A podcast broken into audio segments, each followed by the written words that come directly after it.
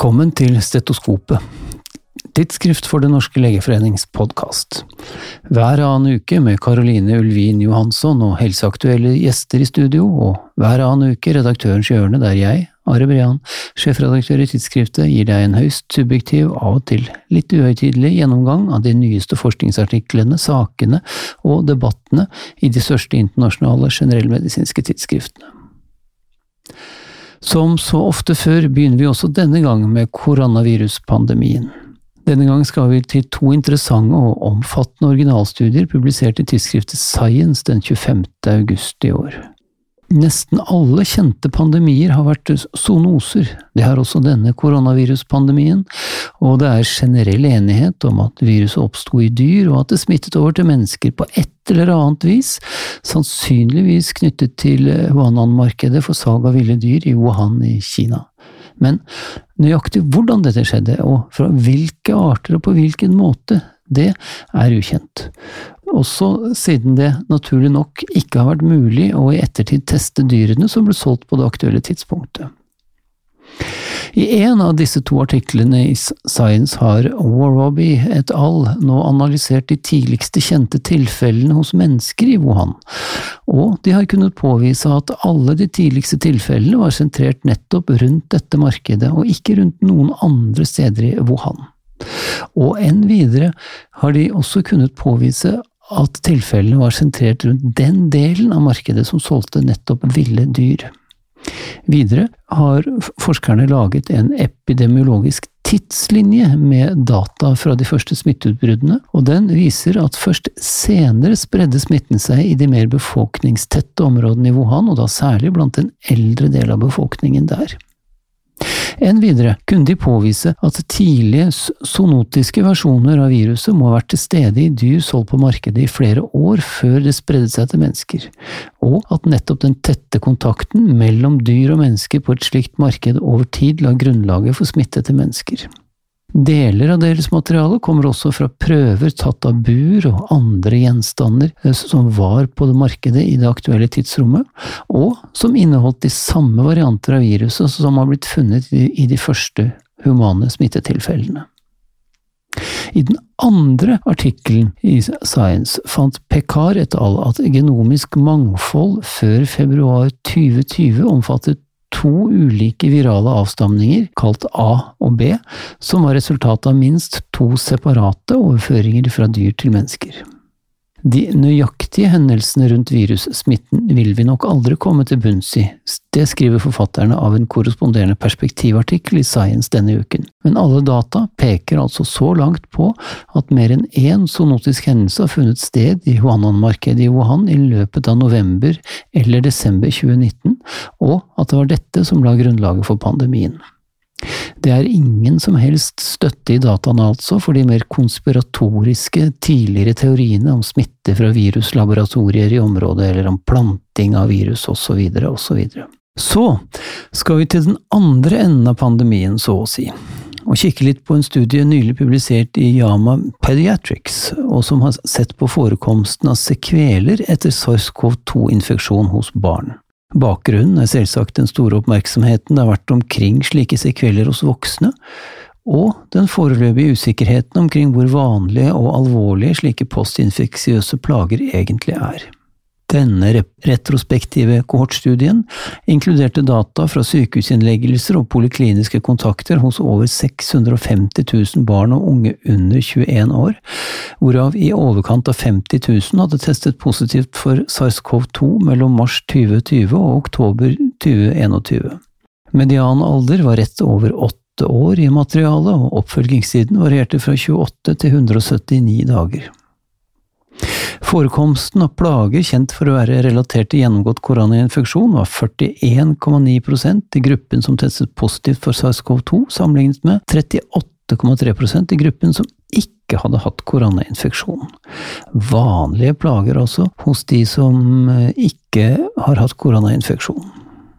Tap av lukt eller smak og myokarditt og hoste var blant de mer vanlig forekommende nye symptomene i begge gruppene, relativt sett, og forskjellen mellom gruppene var altså svært liten, også når man kontrollerte for gruppeforskjeller, og konklusjonen er at nyoppståtte plager som kan relateres til gjennomgått koronainfeksjon hos barn, synes å være forholdsvis uvanlig, heldigvis.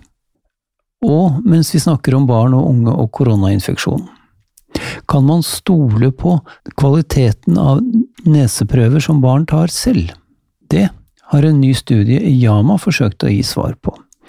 195 barn mellom 4 og 14 års alder fikk se en kort instruksjonsvideo om hvordan en prøve av neseslimhinnen med bomullspinne skal tas.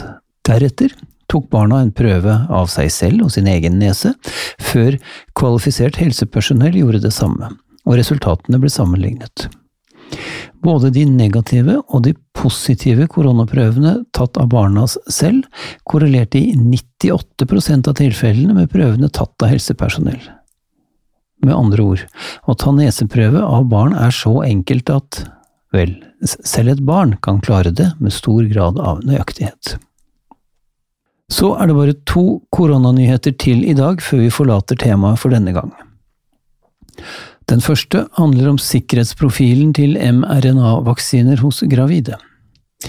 Eh, det er en kanadisk studie publisert i Lancet Infectious Diseases og også referert til i British Medical Journal. Flere tidligere studier har konkludert med at vaksinering av gravide ser ut til å være trygt. På tross av dette er vaksineringsgraden blant gravide lavere enn i andre grupper i de fleste land, og det er åpenbart fortsatt behov for enda bedre sikkerhetsdata. I denne studien ble 5600 gravide og vaksinerte mellom 14 og 49 år sammenlignet med nærmere 200 000 ikke-gravide vaksinerte, samt med en matchet kontrollgruppe på 339 gravide som ikke var vaksinert. 4% av de gravide vaksinerte rapporterte mulige bivirkninger etter første vaksinedose, og 7,3 etter andre dose. De vanligste bivirkningene var generell uvelhet, hodepine og luftveissymptomer. Slike symptomer dog, forekom dog også hos 3,2% av de uvaksinerte. Og når det gjelder graviditeten i seg selv, var den vanligste alvorlige komplikasjonen spontanabort eller dødfødsel, som forekom hos 1,4% av de vaksinerte og 2,1% av de uvaksinerte gravide. Ut fra dette altså har vi enda flere data som tyder på at koronavaksinering hos gravide er trygt. Til slutt i dagens Koronanytt skal vi til et tidsskrift jeg sjelden siterer her i redaktørens hjørne, enn skjønt det har hendt også før, det er nemlig Yama Ophthalmology. Denne gangen til en studie der danske og svenske forskere har spurt seg selv hvorvidt det å bruke briller kan beskytte mot koronasmitte. Bakgrunnen er en publikasjon fra Kina i 2020 der man hadde observert at blant inneliggende pasienter med koronainfeksjon var det færre brillebrukere enn man ville forvente ut fra brillebruken i den generelle befolkning. Med dette som bakgrunn så man her på danske og svenske medlemmer av redningskorpet Falk, som som en del av sitt arbeid rutinemessig blir koronatestet hver annen uke. Studien ble foretatt i 2020 i en periode hvor smittevernutstyr som masker eller annet ikke var påbudt i den generelle befolkning. Og nysmitten hos brillebrukere hos folk ble sammenlignet med hos ikke-brillebrukere. I Sverige var det en slik forskjell, siden 8,1% av brillebrukerne ble smittet, mot 12,6% av ikke-brillebrukerne.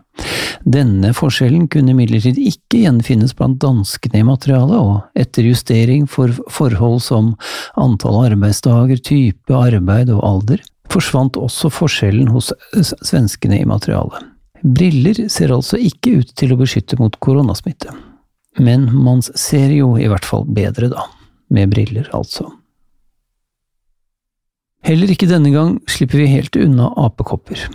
Det er det flere grunner til. For det første har den hittil største kohorten med apekoppetilfeller nylig blitt publisert i New England Journal of Medicine. I denne studien er klinisk og laboratoriemessig karakteristika blant 528 pasienter fra 16 land presentert. Norge er ikke blant dem. Her er det mye interessant å notere seg likevel. Jeg skal nøye meg med to forhold. For det første, 13 av de beskrevne pasientene ble innlagt. Det viser at sykdommen har en ganske betydelig alvorlighetsgrad hos en del, selv om det ikke var noen dødsfall i dette materialet. For det andre, de fleste pasientene hadde bare ti eller færre hudlesjoner, og ti prosent av dem hadde bare én hudlesjon på diagnosetidspunktet. Det viser at man bør lete grundig ved klinisk mistanke og generelle symptomer. Og i denne artikkelen er det for den interesserte kliniker dessuten vel verdt å ta en kikk på både tabeller og figurer, som inneholder både fotografier og detaljerte kliniske karakteristika hos enkeltpasienter. Her er mye god hjelp for lettere å gjenkjenne suspekte lesjoner i klinisk praksis. Apekopper, fortiden som prolog. Det er tittelen på Clifford Lane og Anthony Fawcys ledsagende lederartikkel i New England Journal of Medicine. Der de minner om at mye er både likt og forskjellig mellom den pågående apekoppeepidemien og starten av tidligere epidemier som hiv og SARS-CoV-2. Denne sykdommen og dette agenset vet vi dog mye mer om på et tidligere tidspunkt enn vi gjorde for noen av de uh, to andre, og vi har både effektive vaksiner og relativt lav smitterisiko. Likevel, det globale antallet tilfeller doblet seg bare på de to ukene før denne artikkelen ble publisert 25. august, så det er all grunn til å være på vakt også her. Og la oss stoppe opp et øyeblikk ved en av de to forfatterne jeg nettopp nevnte av lederartikkelen i New England Journal Medisin om apekopper, nemlig Anthony Fawcey. Han er nemlig selv hovedpersonen i en nylig artikkel eh, publisert i Nature. Anledningen er at han nå går av som USAs fremste smittevernfaglige rådgiver. Vi husker ham alle sammen som den åpenbart beskjemmede fageksperten i bakgrunnen under Donald Trumps pinlige koronapressekonferanser, og som en tydelig fagstemme i koronahåndteringen. Og nå går han altså av, etter å ha hatt denne rollen i 40 år under til sammen syv ulike presidenter. Han vil bli savnet av mange, skriver Nature, og siterer blant andre den tidligere direktøren i National Institute of Health, Francis Collin, som sier at sitat, hans bidrag har reddet utallige liv fra hiv-aids, ebola og SARS-CoV-2, og vil bli stående som dypt betydningsfulle gaver til menneskeheten. Sitat slutt. Stort bedre attest er det vel ikke mulig å få etter 40 år på samme post. Og president Joe Biden, som tidligere har jobbet med FOSI under utbruddene av Zika og ebolavirus, fremhever nettopp hans store faglige integritet, som vi alle kunne bevitne under Trumps tragiske koronahåndtering. Og nå over til noe helt annet, som det heter når man ikke kan finne på noen passende overgang til neste tema. For nå skal det handle om mortalitet etter hjerteinfarkt. Antitrombotisk behandling etter gjennomgått hjerteinfarkt handler som kjent om å balansere mellom to grøfter, risikoen for ny trombose på den ene siden og risikoen for blødning på den andre siden. Både europeiske og amerikanske retningslinjer tilsier derfor at behandlingen bør individualiseres ut fra individuelle risikofaktorer for henholdsvis blødning og iskjemi. Men er det like viktig å unngå begge disse grøftene, eller er en av dem farligere enn den andre? Det vet man mindre om og det man vet om det, det kommer i stor grad fra randomiserte kliniske studier. Ikke noe galt sagt om slike, selvsagt, men hvordan forholder det seg i den virkelige verden med pasienter etter gjennomgått hjerteinfarkt? Er det farligst å blø, eller er det farligst å få en ny iskjemisk hendelse? Det var spørsmålet forskerne bak denne studien publisert i Yama Network Open stilte seg. For å finne ut av dette tok de utgangspunkt i nærmere 90 90 000 pasienter utskrevet med antitrombotisk medikasjon etter hjerteinfarkt i perioden 2012 til 2017, og fulgte dem til nytt infarkt, blødning, død eller studieslutt i desember 2017. Ny iskjemi var vanligst i dette materialet. Det forekom 5,7 ganger per 100 personår, mens blødningshendelse forekom 4,8 ganger per 100 personår justert hasardratio for ett års dødelighet versus ingen hendelse var 4,16 etter en iskjemisk hendelse og 3,43 etter en blødning. Og når man sammenlignet disse to, var justert hasardratio for død etter iskjemisk hendelse sammenlignet med blødningshendelse på 1,27. Iskjemi var altså både vanligere og assosiert med høyere dødelighet enn blødning hos pasienter på antitrombotisk terapi etter gjennomgått hjerteinfarkt. Og nettopp uttrykket 'assosiert med' er dog viktig her, for siden dette var en observasjonell studie, er det selvsagt ikke mulig å si noe om kausalitet. Dessuten har man her bare sett på mortalitet, ikke morbiditet og livskvalitet, som åpenbart også er særdeles viktige faktorer etter gjennomgåtte vaskulære hendelser. I British Medical Journal er man for tiden opptatt av abort. Sjefredaktør Kamran Abbasi skriver i forrige uke om Latin-Amerika, der 95% av de 4,4 millionene aborter som ble utført i 2008 var utrygge, altså ulovlige bakgårdsaborter av svært strenge abortlover, noe som også sterkt bidro til en svært høy mødredødelighet i regionen. Først som et resultat av press fra kvinnerettighetsgrupper og sosial mobilisering ble abortlovene oppmyknet i blant annet Mexico. Paradoksalt nok var denne utviklingen i Latin-Amerika inspirert av abortretten man på den tiden hadde i USA, og som nå er kraftig underminert av opphevelsen av Roe versus Wade-dommen, slik jeg snakket om i forrige Redaktørens hjørne. Og konsekvensene av opphevelsen har allerede fått ansikter og navn. I en analyseartikkel i British Medical Journal fortelles det denne uken annet historien om en ti år gammel pike fra Ohio som av Ohios forbud mot abort ble tvunget til å reise til nabostaten Indiana for å få utført abort etter en voldtekt ganske for nylig. Konsekvensene for gynekologen som hjalp tiåringen til lovlig medikamentell abort i Indiana, fortalte hun selv om i Washington Post. Gynekologen hadde blitt truet, kalt løgner og hengt ut på nasjonalt fjernsyn. Riksadvokaten i Indiana kalte gynekologen en citat, abortaktivist som leker doktor, citat slutt, og har funnet grunn til å se på hennes legeautorisasjon, som han sa. Snart er det forventet at abort vil bli ulovlig også i Indiana. Utviklingen i USA går fort og baklengs for grunnleggende helserettigheter, og polariseringen er større enn noen gang i The Land of the Free. Over til en ny Global Burden of Disease-artikkel i The Lancet. Denne gang er det den globale byrden av kreft som er estimert og fordelt på til sammen 82 kjente risikofaktorer. Disse kjente risikofaktorene står for 44,4% av alle dødsfall av kreft, dvs. Si 4,5 millioner dødsfall globalt. Og de viktigste risikofaktorene er, ikke overraskende, røyking, fullt av alkoholbruk og høy BMI. Alle tre er altså modifiserbare risikofaktorer, og kunne vi redusere disse globalt, ville svært mange premature dødsfall vært unngått. Det leder naturlig over til en koreansk studie publisert i Yama Network Open for noen få dager siden. I denne populasjonsbaserte kohortstudien ble 4,5 millioner koreanere over 40 års alder fulgt fra en nasjonal helsescreening i 2010 til studieslutt i 2020. Hvorvidt individene økte, minsket eller opprettholdt sitt alkoholforbruk eh, tidlig i perioden, ble sammenlignet med forekomsten av alkoholrelaterte kreftformer frem til 2020 og for å gjøre en lang studie kort. Økt alkoholkonsum var assosiert med høyere risiko for både alkoholrelatert kreft og alle typer kreft, mens redusert alkoholkonsum var assosiert med lavere risiko for alle typer kreft. Fra før er sammenhengen mellom alkoholbruk og ulike typer kreft vel etablert.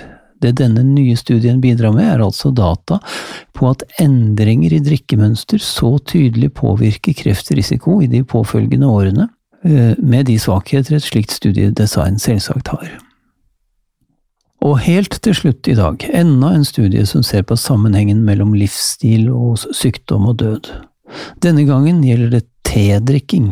Det er en prospektiv kohortstudie fra UK Biobank, en hyppig leverandør av epidemiologiske studier. Her har man studert sammenhengen mellom tedrikking og dødelighet. Og hvor ellers enn i England er det naturlig å gjøre en slik studie. Studien ble publisert i Annals of Internal Medicine den 30. august.